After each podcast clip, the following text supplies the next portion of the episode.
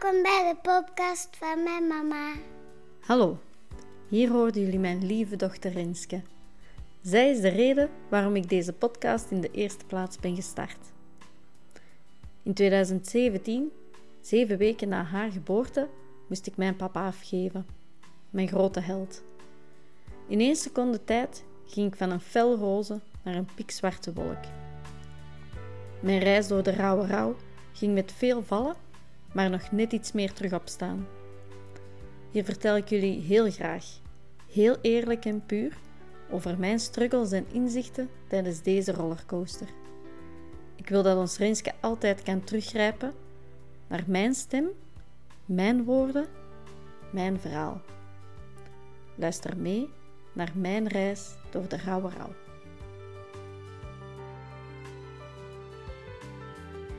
Voordat we het goed en wel beseften, zat heel ons huis vol met familie en vrienden.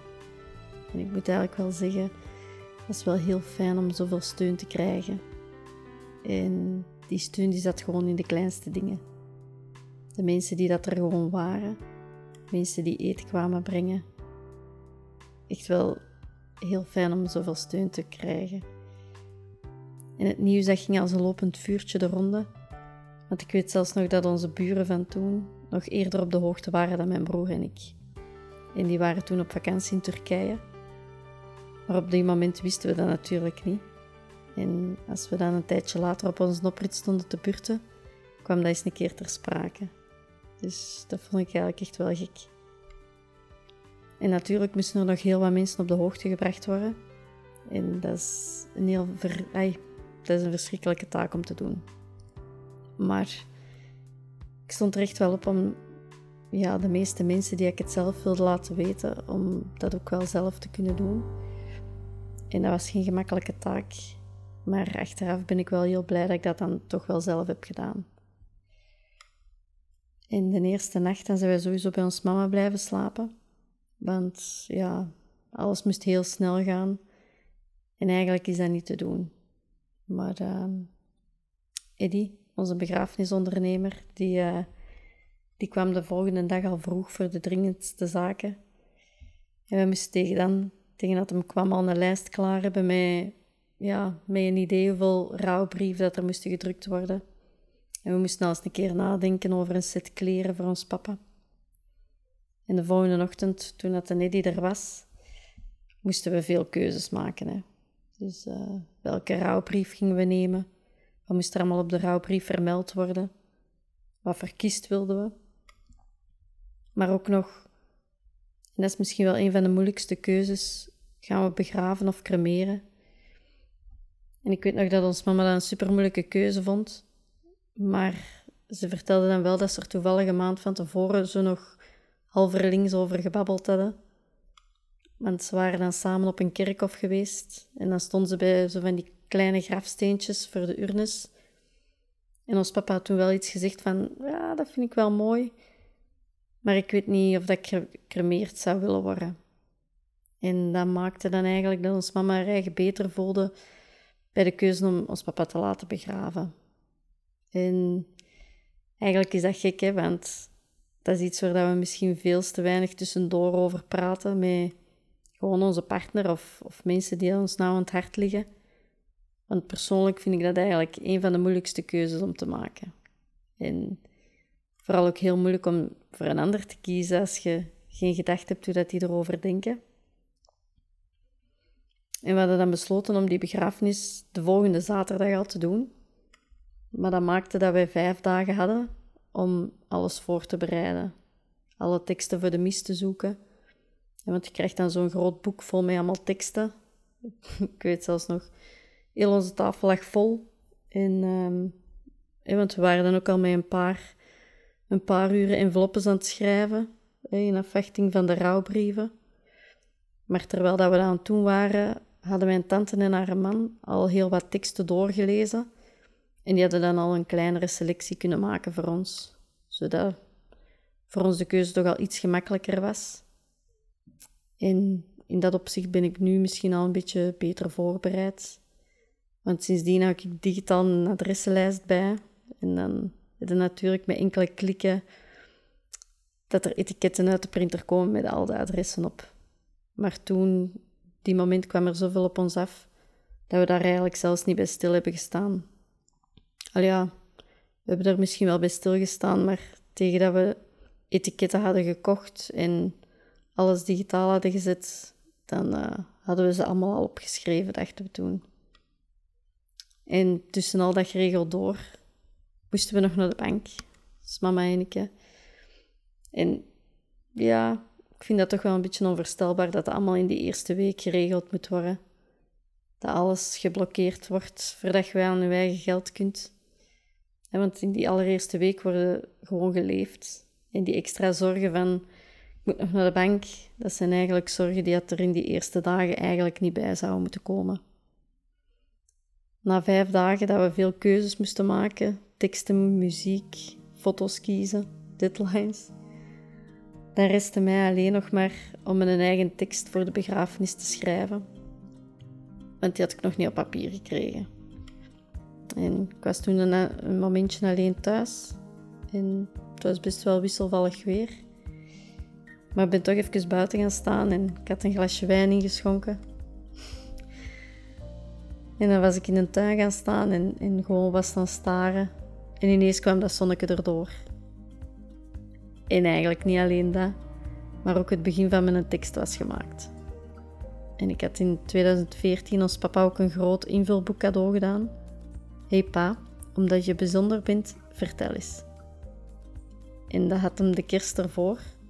Hij had mij toevallig met kerst mijn naam getrokken. Had hem dat helemaal ingevuld teruggegeven. En hij had dat niet zomaar ingevuld. Hij had er echt ontzettend veel werk van gemaakt. Buiten de vragen die erin stonden, had hem extra anekdotes, extra verhalen toegevoegd. Op dat moment had ik ook gewoon nooit kunnen denken dat dat wel het meest waardevolle cadeau was dat hij aan mij kon geven. Ik bladerde heel dat boek nog eens door, op zoek naar wat ik misschien nog zou kunnen verwerken in mijn tekst. En jawel, een half uur later was heel mijn tekst uitgeschreven. Op de begrafenis zelf kon ik dat niet aan om zelf die tekst voor te lezen. Dus heeft de liefste Iris dat voor mij overgepakt en ze heeft dat echt ontzettend goed gedaan. Door haar rustige en fijne stem kwam die tekst echt mooi tot zijn recht. Maar graag wil ik dan hier, nu, om af te sluiten, toch even de moment pakken om zelf deze tekst voor te lezen. Want soms denk ik er wel eens aan dat ik toen wel graag de kracht had gehad om dat zelf te doen. Maar ik zat met onze zeven weken oude dochter op mijn arm, want die wou ik gewoon heel de mis wel bij mij dichtbij hebben. En ik had er geen woord uit kunnen spreken in die zaal, want... Weet jullie nog dat ik vertelde over spreekbeurten in de klas van vroeger? Dus op zo'n moment voor een overvolle kerk, waar dat ze tot buiten stonden, dat had niet goed gekomen.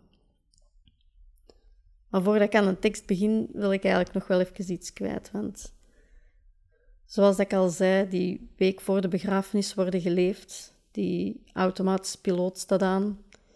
En dan is er die een dag van de begrafenis. Heel die dag is voor mij een baas. Ik weet er eigenlijk helemaal niet veel niet meer van. En is dat omdat dat het eerste moment is dat er niks geregeld meer moet worden? Ik weet het niet. Maar gek genoeg zijn er toch twee momenten van heel de begrafenis die dat dan weer klaar helder zijn. Toen wij achteraan in de kerk stonden voor te groeten, werd er uh, muziek afgespeeld. De playlist van ons papa zijn een mp3, die dat hem altijd mee had wanneer het hem op ronde was voor de reclameblaadjes rond te brengen. En eigenlijk heb ik van heel die lijst geen enkel nummer gehoord, buiten één. We hebben echt heel lang van achter in de kerk gestaan. En, want die rij die bleef komen. Ik weet nog wel zo dat de Neddy al een paar keer kwam zeggen van... moet een beetje doordoen, want niet iedereen gaat de kans hebben om te groeten. Maar ja, daar staan, dat is echt... Mag ik het misschien niet zeggen, maar dat voelde een beetje als bandwerk. Ik weet ook niet wie ik allemaal gezien heb toen. Maar ineens hoorde ik één liedje. Ik begon dat stilletjes een beetje mee te neurien. En net toen passeerde er iemand. Iemand die ik al heel lang ken.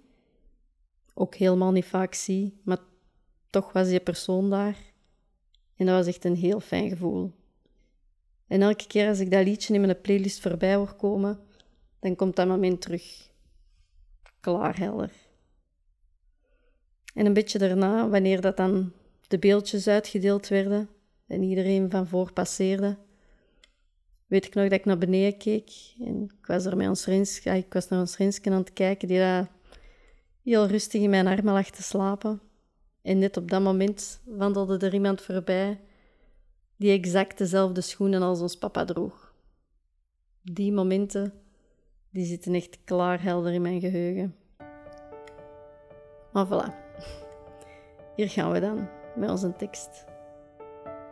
Hey papa, vandaag is het zo'n druilerig weer, maar net nu ik deze tekst wil schrijven, komt het zonnetje erdoor. En zo krijg ik het gevoel dat je dicht bij me bent. Er zijn zoveel dingen die ik jou nog zou willen zeggen, nog samen met jou zou willen doen.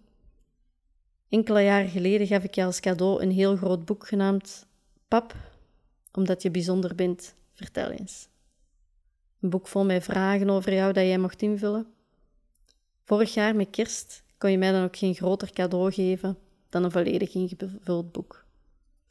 In dat boek werd je de vraag gesteld: als jij ooit komt te overlijden, wat wil je dan dat mensen zich van jou herinneren? Jouw antwoord hierop was dat ik mij heb ingezet om een goed en gelukkig leven te hebben en dat ik mij ook ingezet heb om anderen een goed en gelukkig leven te geven. En dat ik daar voor mezelf heel tevreden mee ben. Ik denk dat deze woorden exact beschrijven hoe iedereen jou zal herinneren. Jij was, jij was iemand waar dat iedereen op kon rekenen. Als we jou belden, stond je er direct. Want pas nog, toen we voor ons Rensken een boom wilden gaan kiezen, stond je meteen met de kar bij ons aan de deur.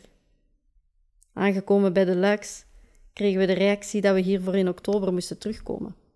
Was het foute seizoen. Geen probleem voor jou. Terug naar huis met de kar en we gingen in oktober teruggaan. Jij genoot er zo van om anderen te helpen. Dat maakte jou gelukkig en dat gaf je veel voldoening. Dat is ook wat je als antwoord gaf in het boek op de vraag: Heb je een motto in het leven? Om dat motto in jouw woorden te zeggen, probeer zoveel mogelijk te genieten van je leven. Doe niet te veel, doe niet te veel tegen je goesting, maar probeer anderen ook zoveel mogelijk te helpen. Daar kan je veel voldoening van hebben. En een levensgenieter, dat was je. Dat staat vast. Als jij en ons mama iets in jullie hoofd hadden, dan deden jullie dat gewoon. Zo herinner ik me nog goed. Op de tv werd gezegd dat er een volledige zonsverduistering te zien ging zijn ergens in Frankrijk.